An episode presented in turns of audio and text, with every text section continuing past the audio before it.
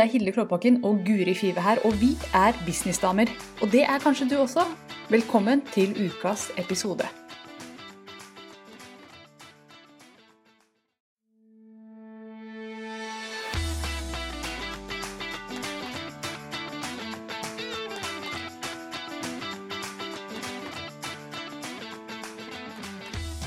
Hallo! Dette er Hilde Klåbakken og Guri Five fra Businessdamer, og vi skal snakke om prissetting i dag. Det blir spennende. For det blir veldig spennende. For det er Godt å være her. mange som sliter med. Og vi har eh, litt Vi har noen eh, interessante vinkler på det som vi skal dele med dere. Men først så må jeg Jeg har ikke gjort jobben min i dag. For jeg har ikke delt eh, dette her inn i Businessdamer. Jeg har glemt å schedule posten. Og Derfor så må jeg inn på Facebook og dele inn i Businessdamer Facebook-gruppa. Ja, det må du gjøre. Få det ut der. For vi sender jo live mens vi tar opp dette. eh, Og så legger vi det ut både på YouTube og på podcast. Så det er mulig å både se oss live og komme med innspill underveis. Men det er også eh, mulig å bare ha oss på øret når du går en tur. Ja. Eh, Men eh, så vi, vi er litt meta, er det det man kaller det. Vi kjører litt sånn tre steder samtidig. ja, i hvert fall tre. Jeg føler at vi er litt sånn overalt med den podkasten her. Og det er gøy. Alt for å spare tid! Ja, men egentlig så burde vi også streame det til Instagram. Så det er neste del av Det det. er neste, neste stedet vårt. Ja. Ja, teste ut litt ting. Nei da, men eh, prissetting er jo det vi skal snakke om i dag. Og det blir veldig gøy å prate litt om, fordi det er eh, noe som eh, er veldig, veldig vanskelig. Og når man begynner som ny gründer, jeg husker jo det selv, så syns jeg det var vanskelig å ta en god pris.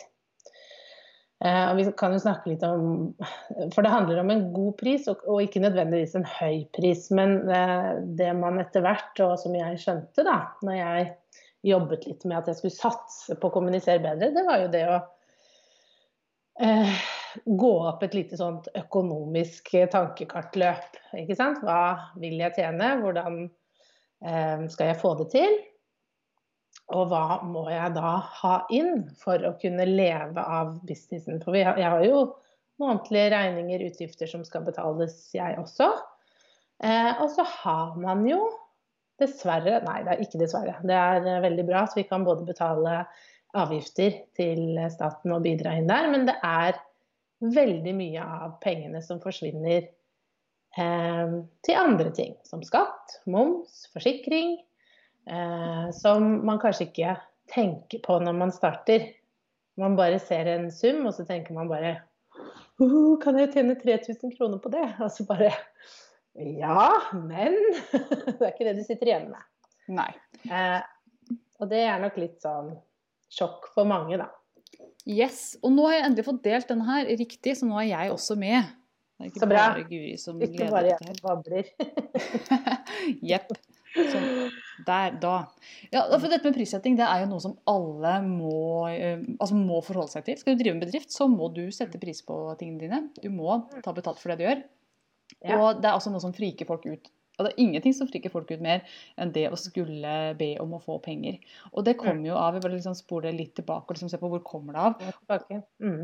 Eller ikke spole tilbake, men bare et litt sånn større perspektiv. Hvorfor er dette her så vanskelig?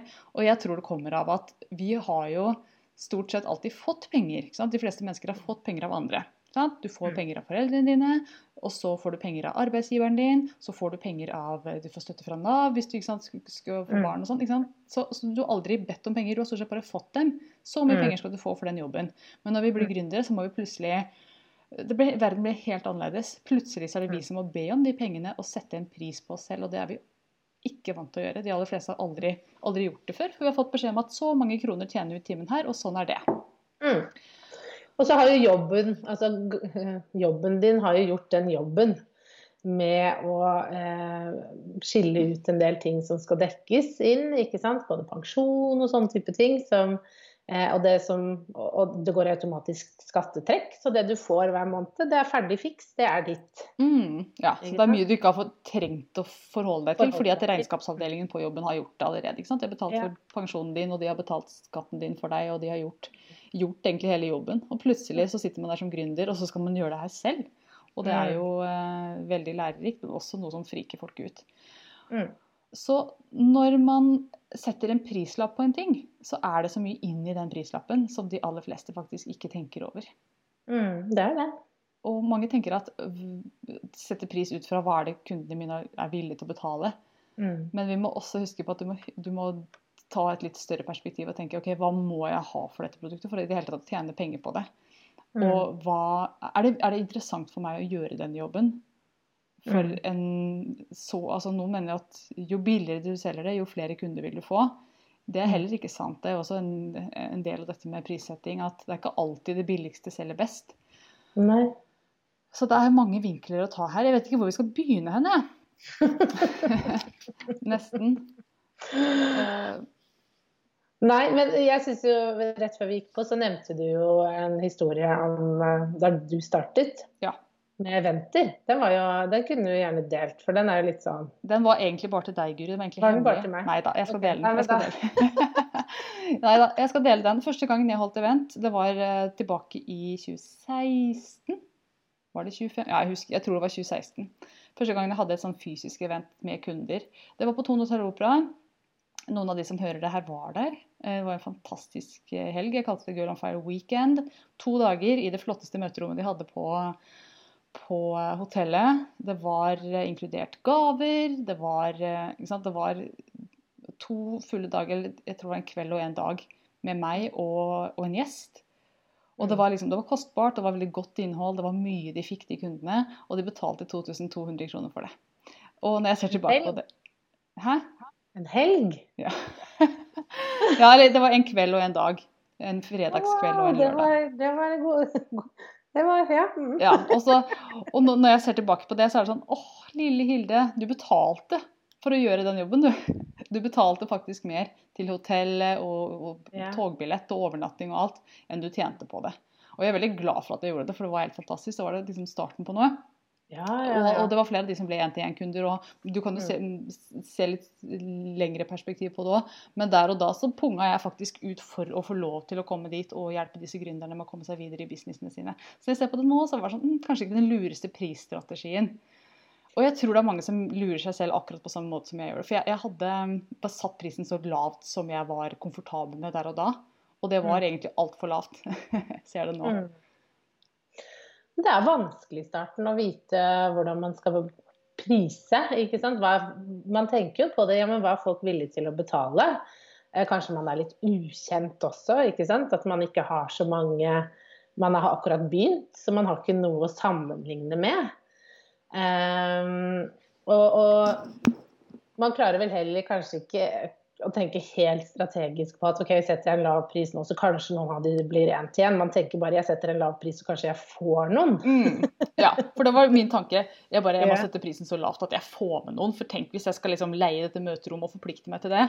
Jeg skal Ja. i hvert fall få med folk så jeg klarer å dekke utgiftene mine. Nulle det, Ja. liksom. Så jeg gikk nok i null, men ikke, det var ikke noe å hente på det utover det. Nei. Nei. Og så er det jo sånn at etter, og det er jo kanskje litt sånn erfaring du også hadde, da, at etter hvert så ser man jo at de eh, man har jobbet med og hjulpet, at de plutselig får til ting takket være deg. At de begynner å tjene penger, ikke sant. Ja. Eh, og, og da blir man jo litt mer sånn OK, men jeg gikk i null, og du tjener penger. og, da, og da begynner man jo kanskje å vri, vri det litt, ikke sant. Man, jeg, eh, jeg kan jo også kjenne på det innimellom. ikke sant? Hvis en kunde kommer, eller eh, man, man er i forhandling om pris, og så, så, det liksom, så, så kjenner jeg på å nei, kan jeg, dette er kanskje for dyrt for personen. Jeg har lyst til å gi det billigere. Mm. Eh, men jeg vet jo at eh, hvis vi jobber sammen, så, så vil hun få til ting. ikke sant? Og det, og det vil endre. Og jeg vet også at hvis jeg setter ned prisen, eh, så vil jeg kanskje kjenne på en sånn ja, bitterhet etter hvert, Ja. fordi at jeg prisa meg lavt. Og da er det jo veldig sånn når man klarer å stå i det og selge det inn, og så går det så bra med kunden, og kundene kommer, og de får det til. Da får man jo mye mer den tryggheten på at dette var riktig. ikke Mm. sant? Hun, hun tripla omsetningen, ikke sant. Det her. Eh, Dette er verdt det. Var, det var verdt den lille prisen hun brukte for å triple sin omsetning, liksom. Men i starten er, det ikke jo er ikke gitt at man skjønner det, da. Eller Nei. klarer se det. Nei, og når man ikke kanskje har den erfaringen med så mange kunder som har fått gode resultater ennå, du vet at du er god på det du gjør, men du har ikke hatt så mange kunder ennå, så er det jo veldig altså Da må man på en måte bare se, se inn i framtida og tenke at sånn kan det komme til å bli. Jeg kan komme til å triple omsetningen til denne kunden her, eller jeg kan komme til å, lede denne kunden her til knallform, eller jeg kan komme til å hjelpe den kunden her med å få den flotteste stua i hele byen. Mm. Eh, For det, for det er jo én ting noe veldig mange kunder og meg sier. Ja, det er lett for deg, for du selger jo det at jeg skal tjene penger.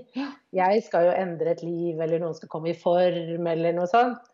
Eh, hvor jeg prøver å si at det er ikke noe forskjell på det. Vi, alle vi selger jo en endring. Mener jeg, da. Men jeg vet ikke om du er enig i det. Ja, ikke sant? Og når folk sier det at det er lett for deg, for du, du selger eh, noe som kan gi avkastning, direkte cash i kassa, da, begynner, da, da tenker jeg alltid, kjære kunde, du som skal selge noe, Mm. eh, alle de som sitter og hører på nå, skal selge noe, du må være solgt på din egen, ditt eget produkt før du begynner å selge det ut i markedet. Du må være helt sikker på at dette her er verdt prisen min. Mm. For hvis du skal gå ut i markedet og selge noe, så er du ikke sikker på om det er verdt prisen. Da vil du føle deg ute av integritet. Du vil Mm. føle deg helt på siden av deg selv. Du kommer ikke til å klare å selge det. Så hvis Mm. du selger noe som du ikke syns er verdt prisen din, så må du A. enten sette ned prisen, eller B. finne noe annet å selge. Men kan jeg spørre om det, fordi hvordan finner man da ut om noe er verdt noe? Fordi ofte er jo peng, altså Vi har snakket om pengeblokkeringer tidligere. Mm. Man eh, sånn som jeg kan gi deg et tips, kunde, eh, om noe som for meg tar meg to sekunder, men revolusjonerer livet ditt. Mm. Eh, hvor du plutselig gjør noe helt annerledes og tjener, tjener masse penger. Ja. Men for meg så er jo ikke det bare sånn ja, da setter jeg du tjente 200 000, det er verdt 200 000. skjønner, skjønner du tankegangen? Hvordan, man kan ofte da tenke at det er så lett for meg, så derfor trenger jeg ikke å ta meg godt betalt, da. Ja, og, de som er aller best på ting, og virkelig kan hjelpe andre, de er, de er det lett for. Mm. Eh, Men jeg tenker, hvis vi tar metaforen eh, Skal vi se, hvordan skal jeg si det her? Hva en ting er verdt, det kommer an på hvordan kunden bruker det. Hvis det kommer en PT hjem til meg i dag og gir meg en matplan, en treningsplan, kjempegod tips til hva jeg skal gjøre når jeg blir sulten og har lyst til å spise en eh, sekk med bamsemums, og jeg ikke bruker de tipsene, da har det ikke vært fem øre. Men hvis jeg bruker de tipsene, og Mm. faktisk er coachbar og tar Mm. de rådene, så kommer jeg til å komme i knallform. Jeg kommer til å være verdens sprekeste om et år. Mm. Og hva er det verdt for meg? Hvis jeg skulle liksom bare betalt meg til det her og nå. Eh, nå er ikke jeg sånn superopptatt av det. Jeg er den jeg er. Men, men hvis man er veldig opptatt av det, folk ville vært villige til å betale flere hundre tusen for det. Så det det egentlig handler om, er jo hvilke kunder er det man retter seg mot. Mm. Hvilke kunder er det du retter deg mot, og hva Ikke er det sant? verdt for den kunden? Så dette handler Den- også om nisje, ikke sant? Og, Mm. og hvem er du? Hvem er det du ønsker å posisjonere deg som? Ønsker du å være den PT-en eller den coachen for de som virkelig har lyst til å gjøre det helt sinnssykt bra? Eller vil du være litt mer sånn girl next door som hjelper deg med å komme litt bedre form og, og tjene Mm. litt mer penger? Og hvor er det du vil legge deg på skalaen? Mm. Og det er så mye ja. Åh, det er mye. Ja, det er så mye som spiller inn her, og det er derfor prissetting også blir vanskelig. Fordi at man, man Ja, du har, mye, du har mange valg. Det er klart du kan selge det du, vil, eh, det du gjør billig til veldig mange. Da Mm. kan du ta en lav pris og fortsatt tjene veldig mye på det. Eller du Mm. kan legge deg litt høyere, selge til få, tjene kjempegodt på det også. Men da må Mm. prisen din være mye høyere. Så hvem er du? Er du en high end type coach, eller er du mer eh, hverdagscoachen? Mm. Og så er det jo kanskje noen ganger å, å få litt hjelp til å se verdien av det man har, tenker jeg. Eh, For jeg har jo opplevd det i samtaler med kunder, at de ikke selv ser verdien av det de sitter på. Mm. Og priser seg altfor lavt. Eh, og det, det er litt sånn synd, fordi at jeg vet også hvor hardt de da jobber. Eh, veldig, og hvor dedikerte de da blir inn i kundenes utfordringer. Og prøver å hjelpe til, men så sitter de i andre enden og ikke tjener noe særlig penger. Mm. Eh, så det å også få noen sånne eksterne øyne på, tenker jeg er, er veldig lurt. Altså, for å få litt hjelp i det å sortere, er, er det noen verdi her? Da? For vi sitter og jobber så veldig sånn med oss selv, og så tenker man jo ja, nei, en time, en time koster jo 990. Så da må jeg jo Nå skal jeg jobbe med kunden i to timer. Ja, da kan jeg legge meg på rundt 2000, da kanskje. Mm. Eh, Istedenfor å tenke OK, men hva kan skje på to timer? Det kan skje ganske mye. Mm. Ja, og en av de tingene som i hvert fall jeg snakker veldig mye med kundene mine om, det er ikke tenk, altså timepris. Aldri ta timepris for coachingen din. fordi det vil si at jo bedre du blir på det du gjør, jo mindre vil du tjene på det. Oss, eller, eller, konsultasjoner også. La oss si at du blir dritgod på å lage Åh, nå må jeg finne på det. Kjempegod på å strikke. Du er helt rå på å strikke. Så du kan strikke en genser på en time. Så Skal du ta mm. timepris for det, Uh, så hvis du da strikker fort, så får du 850 kroner for den uh, genseren. Hvis du strikker sakte, så får du kanskje mange tusen for den genseren. Mm. Det er jo ikke fair i det hele tatt. Jo bedre du Nei. blir, jo mer bør du jo få betalt for det. Mm. Så det regnestykket går ikke opp i det hele tatt. Men vi er vant til å tenke sånn. Dette her kommer tilbake til hva vi er vant med fra, fra arbeidsgiver. arbeidsgiver. Fikk, og mange får jo timesbetalt fra arbeidsgiver. Og så tar vi med oss det over i, i bedriftene våre. Og det eh, Det stemmer ikke. Lønn og, Altså vi tar den måten man regner lønn på, og bruker den og regner mm. ut priser til kunder på. Det er noe helt annet. Det er noe helt annet. Men det er et godt poeng, for når jeg eh, drev med tekst, ikke sant? når jeg hjalp uh, gründere med å skrive tekster og sånn, så um, I starten hadde jeg jo timepris på det. Mm.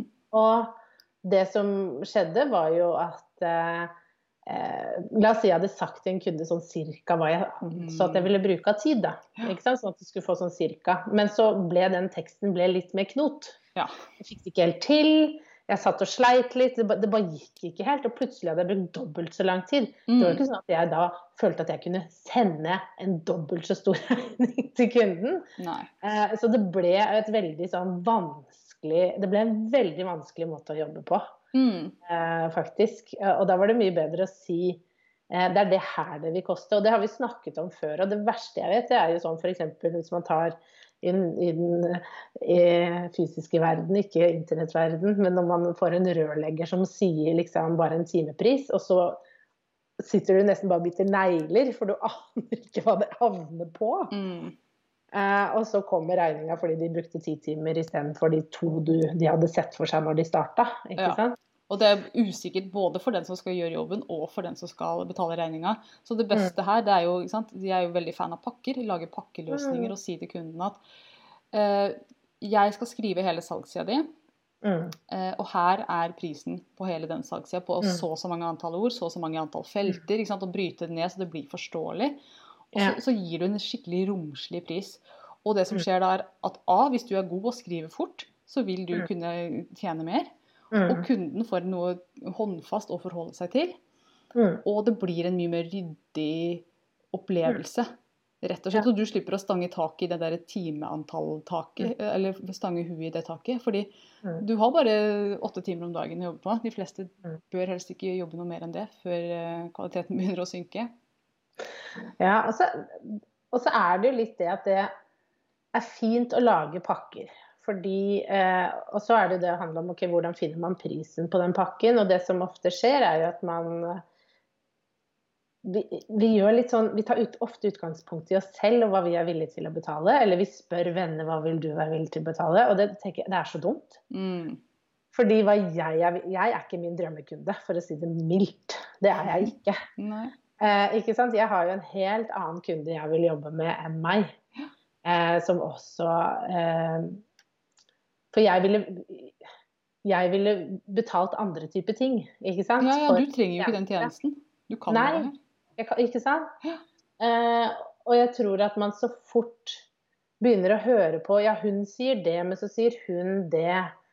Og så lar man seg farge veldig av, av det, da. Ja. Veldig. Og så plutselig sitter du der og er veldig usikker, og ja, nei, jeg tør ikke å ta noe høyere. Og så er du inne i en sånn vond spiral, da, hvor ja. det bare blir billigere og billigere, nesten. Ut ifra hvem du prater med. Ja. ja altså, det, det er Gå seg bort i den der 'hva syns du'-fella. Mm. Um, en ting som er veldig interessant her, det er dette med pakkepriser. Gå litt inn i det. fordi at eh, Hvis du tar en pakkepris for noe, la oss si en salgsside, da, jeg skal skrive teksten på en hel salgsside, den er ganske lang. Så Mm. sier du at uh, her, er, eh, her er pakkeprisen, og, i, og så kan du begynne å male det bildet av hva vil du få ut av å ha en Mm. fantastisk godt skrevet salgsside. Jo, Mm. det kan godt hende du dobler antallet konverteringer. Mm. Det kan godt hende at du øker din anseelse i markedet, for du har så flott salgsside. Det kan hende at det ene salget leder til flere salg. Fordi kunden har fått så innmari godt inntrykk av deg at hun anbefaler deg til andre.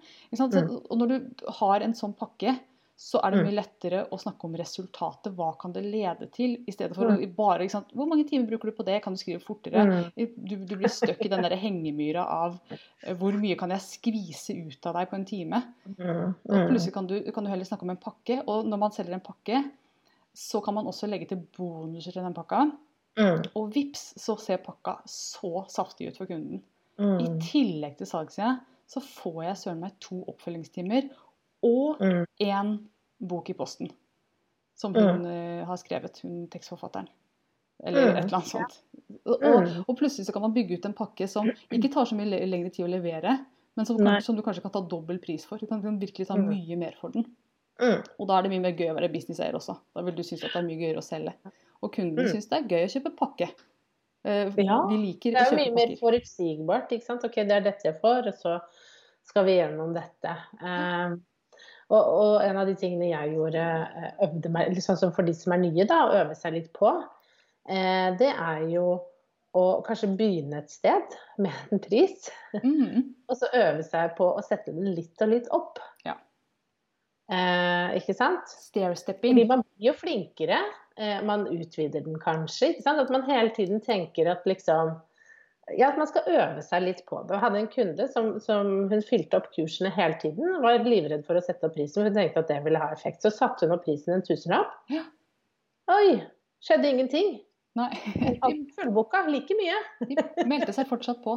Og det er jo mange som opplever at oi, når jeg satte opp prisen, så, så, eh, så enten så, så selger jeg like bra som før, eller så Noen selger jo til og med mer når de setter opp prisen, fordi at Mm. man utstråler at dette er verdt Ja. enda mer. Eller Mm. så er det noen som faktisk også opplever at de får bedre kunder av det, fordi kundene er enda mer investerte når Mm. de investerer til en høy pris. Men vi har ja, Kan jeg bare spørre fort Ja. om kom på noe? skjønner du? Eh, For vi har jo mange kunder som eh, er i marked, f.eks. det er personlig trener, Mm. eh, og som eller driver med hundetrening, eller hva, hvor det er allerede satt et litt sånn tak, tenker man. Mm. Er det Hva var spørsmålet? Nei, altså er det et tak? Fins det? Fordi at alle andre PT-er tar eh, 199 for eh, eh, to timer trening på nett, liksom. Da må jeg også legge meg der. Skjønner du? At vi, vi, vi sammenligner oss veldig med alle andre. Hva alle Mm. Ja, og til det så har jeg lyst til å svare nei, det finnes ikke et tak. Hvis du har bestemt deg for at du er, den, du er en personlig trener som, som er verdt mer fordi at du har en, en annen måte å gjøre det på. Du gjør det på din måte, på en annen metodologi, en annen innfallsvinkel. Så kan du sette taket på et helt annet sted. Hvis du ser på eh, altså Nå er ingen her altså, Hva skal jeg si? Ja, se på Hollywood-trenere, da. Det er sikkert noen som tar Ja. 10 000 kroner timen der. Og så er det de som tar 199 per time på nett. Mm. Og klarer du å skille deg ut, klarer du å gjøre det på en annen, annen Mm. måte, har du et eller annet som er helt unikt ved deg, så spill på det. For prisen den er aldri problemet. Det er faktisk ikke prisen som er problemet, det er den verdien du klarer å, å um, kommunisere at dette har. Mm. Det var veldig godt poeng. ja, så, så jeg mener at Unnskyld. Du har fått vann på mølla nå, så her er det ikke mulig å få inn Det blir en time. Men Hvordan kommer man dit som ny? Nå bruker vi personlig trener som eksempel. Du ser at du, du er litt ny, mm, ser at alle andre gjør det, ligger på et ganske lavt nivå. Også kanskje de du har sett litt opp til. At det er noen som såkalte eksperter som, mm. har, som, som ligger lavt.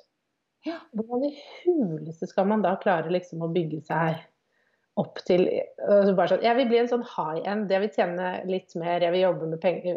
Jeg vil jobbe med, penger. Jeg vil jobbe med mennesker som er villige til å investere litt mer. For vi vet jo også at når folk investerer, så, så gjør de kanskje jobben, da. ikke sant? Enn å være Mm. frustrert over at jeg gir deg alle verktøyene, men du følger jo ikke opp fordi du betalte 49 kroner for det. Ja, det var bare lommerusk for deg, så du brydde deg ikke så veldig mye om det. Ikke sant? Hvordan kan man Er det noen sånne mentale triks? Mentale triks. Altså, trikset er å sette opp prisen og si at jeg er verdt det her. Fordi i det øyeblikket du setter opp den prisen, så kommuniserer du til verden at jeg er verdt mer enn de andre.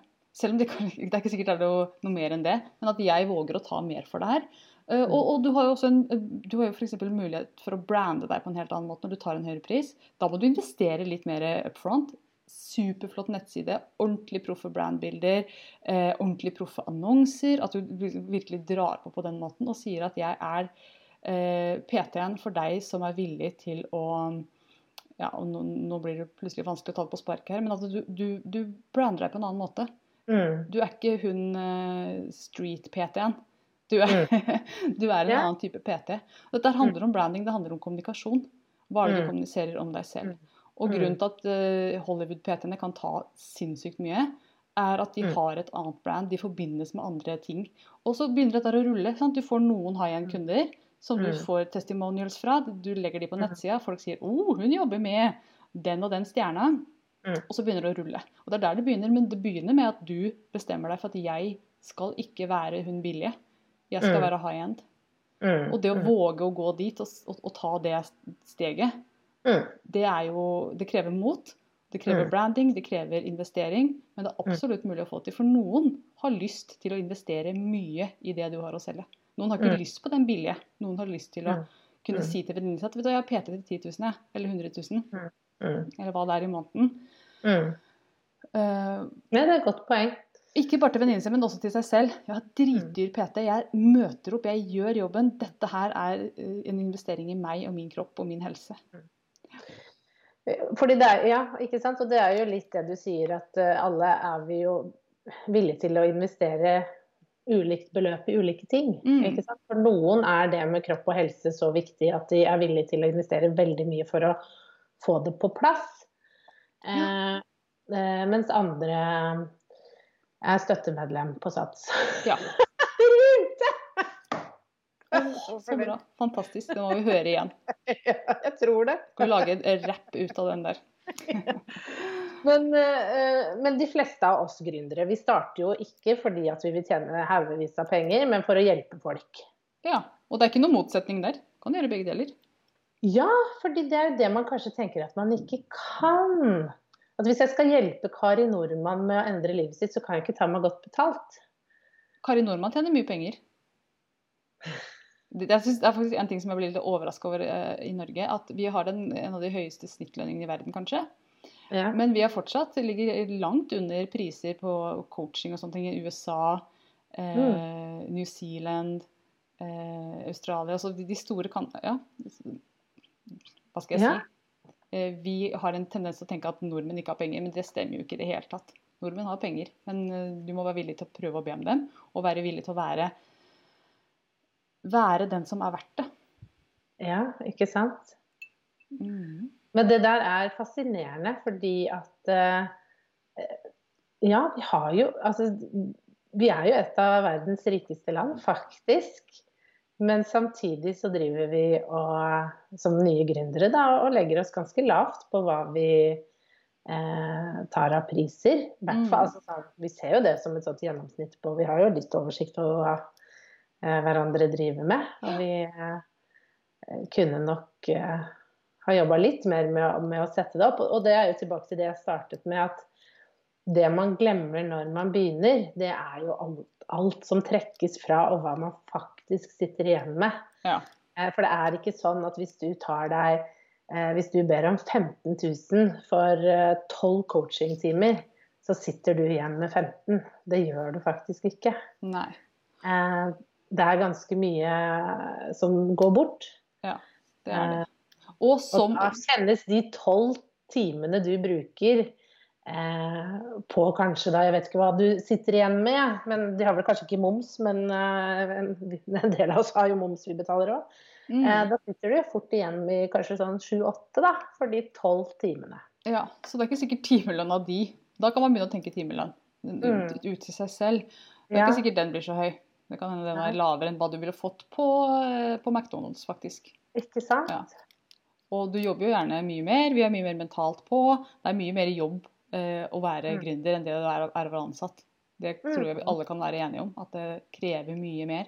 Mm. Så ja. Så det kan jo kanskje være lurt å tenke litt igjennom det regnestykket når du setter opp pakkene, tenker jeg òg. da. Ikke sant? Jeg Mm. skal betale moms, jeg skal ha skatt og forsikring, og jeg skal sette av til pensjon og andre typer ting. Og så, ok, hvis jeg da ender med å ta denne prisen for pakka, så sitter jeg faktisk bare igjen med det. Og så kommer jeg jo til å jobbe så mye, og de kommer jo til å få det resultatet hvis jeg gjør jobben min godt nok. Mm. mener jeg at det jeg gjør er verdt den summen å sitte igjen med da. Det kan jo være en sånn fin måte å, gjøre det første gang på, da, tenker jeg. Mm, absolutt. Fordi Mm. altså, jeg, jeg mener at alt koker ned til, uansett hvordan man ser på det, hva mener du at du er verdt? Og Mm. hvis du bare vet i ditt hjerte, du er helt sikker på at eh, jeg er verdt en høy sum fordi at jeg leverer fortere, jeg leverer bedre, jeg leverer Mm. på en annen måte, jeg har bedre samarbeidspartnere som hjelper meg. Altså, det er mange måter å, å gjøre tjenesten din mer verdt på. Men når du kommer til det punktet at jeg vet at det her er verdt det, det er ikke tvil i min sjel, så vil du ikke sitte der i salgssamtale og si kunden at det var litt dyrt. Da vil ikke du Det vil, det vil ikke påvirke deg. Det, det vil bare Ja, kanskje syns du at det er litt dyrt, men. Og så kan du argumentere, eller du kan si nei vel, men da er kanskje ikke du Da er kanskje ikke dette for deg. Kanskje kommer Nei. du tilbake om et Mm. år, og så er det midt i Mm. blinken for deg. Og at det er Mm. helt OK. Men, men når man blir veldig sånn touchy på det med sin egen pris, det er veldig mange som er det. I det øyeblikket du sier at det var litt dyrt, så blir de sånn åh, altså de blir veldig skvettende på det. Da, da vet jeg at her har jeg med en kunde som ikke kjenner verdien av sitt eget produkt. Mm, mm, det er et godt poeng. Og så er det jo det å kanskje Det var noen som sa det at man skal feire hvert nei man får. Så Ja. er man i gang, liksom. Ja, altså for hvert nei du får, så er det jo nærmere et ja. Ja. Og så var, det var en jeg snakket med som hadde vært telefonselger, og hun hadde fått Da var det sånn standard at du får som regel ni nei før du får et ja. Mm. Eh, og da er det jo bedre å kanskje ha holdt ut og få de ni nei-ene, og så knaller det til med et salg, Ja. eh, enn å få da eh, ni ja, men du har tatt ned prisen kraftig, og så jobber du deg i hjel, liksom. ja, faktisk. Faktisk. Noen ganger så er et nei det beste du kan få, fordi dette var ikke den kunden du skulle jobbe med akkurat nå. Mm. Det er så spennende tema! Jeg vet det. Jeg vet det er kjempespennende prissetting og det å se verdien av sine egne produkter. Superspennende tema. Pakking og alt det her er jo gull. Men vi er nødt til å avslutte, for vi har holdt på i eh, 32 minutter allerede, vi. Did you know? Ja, flyr. Men eh, har det kommet noen kommentarer eller tanker, eller har vi Nei, vi har, vi har fått et hjerte. Et hjerte. Ja, men takk til deg. Vi har fått et hjerte, så vi er glad for det. Hvis det er noen som har kommentarer, så kommenter gjerne etterpå. Hvis du ser replayen på Facebook. Ja. um, så svarer vi etterpå. Vi har jo faktisk en liten announcement vi, helt på tampen her. Vi avslutte med det? Apropos Ja. prissetting, så Apropos prissetting, så har vi akkurat sittet og diskutert hva skal vi prissette vår ting for. For nå kan du ta over, Guri. Hva, hva er dette? Vær så god, fortell verden hva vi har. Vel, vi har i tidligere eh, episoder så har vi snakket om at vi hadde lyst til å ha et eh, større event i Oslo. Vi prøvde i, i mai, så var det korona som satt ut. Eh, og så har vi hatt en diskusjon på bakrommet, du og jeg, for å finne ut av hva kan vi gjøre. Eh, og vi nevnte det i forrige episode, litt usikkert på hvilke muligheter det er vi kan gjøre. Det vi har bestemt oss for, er at vi får ikke til et stort arrangement i år. Men vi har lyst til å ha et arrangement, så det vi gjør nå, det er at vi gjør det litt mer eksklusivt, litt mindre. Så vi åpner opp for å ha en type VIP-dag for ti personer, maks ti personer. Eh, begynne der. Eh, og et sted i Oslo sentrum. Og det skal være en superbra dag hvor vi skal snakke business design. Og da vil prissetting vil være en av de tingene vi absolutt skal snakke mer om. Mm. Eh, og det blir en flott dag. Vi skal spise lunsj, henge sammen, networke, snakke eh, business, prissetting, markedsføring, hele pakka. Så det blir en kjempefin dag som vi gleder oss til. Og det blir 30. oktober. 30. oktober, midt i Oslo, ti plasser. Em, hvis du har lyst til å kjøpe billetten din nå, så kan du gjøre det på businessdamer.no. Der ligger det en foreløpig litt stygg salgsside. Vi snakket om det, den var ikke så veldig fin. Men den, den fungerer. Eh, og til de som var Legging, kort og navn, skjønner du. Det er det viktigste. Ja. Den er veldig um, uferdig, så vi skal fikse den ferdig nå før eh, helgen tar oss, tenker jeg. Det er ikke sånn voldsomt mye som står igjen. Men i hvert fall hvis du har hørt på Businessdamer og tenker at vet du hva, jeg har lyst på hjelp til å designe bedriften min, jeg har lyst på hjelp av Hilde og Guri til å se på bedriften min og til å, til å kanskje se ting med litt nye øyne, få nye innspill, eh, få nye businessvenninner, nye bekjentskaper, ha en fin dag i høstdag i Oslo. Høsten i Oslo er jo nydelig. Så bli med eh, på, mm. på, denne dagen, 30. oktober. Mm. Ja. Skal vi ha Det blir veldig gøy. Ja, det Blir, sånne dager er altså Jeg bare elsker det. Jeg elsker sånne mm. dager hvor businessdamer møtes. Det er, eh, jeg lever for det. Ja, og man faktisk setter av tid til å jobbe med businessen sin. For ofte så haster vi jo bare videre. Men det å få en dag, konsentrere seg om å okay, se på det litt med sånn fugleperspektiv sammen. Hvordan kan jeg gjøre dette enda bedre? Mm. Eh, det tror jeg alle har godt av. Så det blir en eh, bra, bra dag. Det gjør det. Og by the way, til dere som var påmeldt på det forrige, uh, forrige eventet. Dere har førstepri på dette eventet. Så vi kommer til å sende ut e-post nå veldig snart til de som var påmeldt sist, når vi måtte avlyse. Sånn at de får muligheten til å melde seg på og bli mm. med. Så nå har vi holdt på litt for lenge, som alltid. Så med det så sier jeg tusen takk til deg, Guri, for praten. Og så håper jeg at Eh, vi snakkes neste uke til samme tid, samme sted. Da er det en ny episode av Businessdamer. Og da skal vi snakke om noe annet businessrelatert. Oh. Takk for det. God helg, alle sammen. God helg.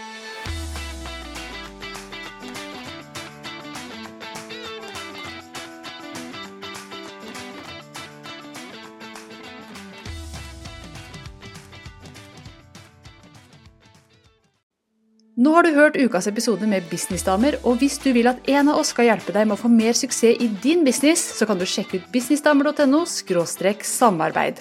Takk for nå, vi ses neste uke.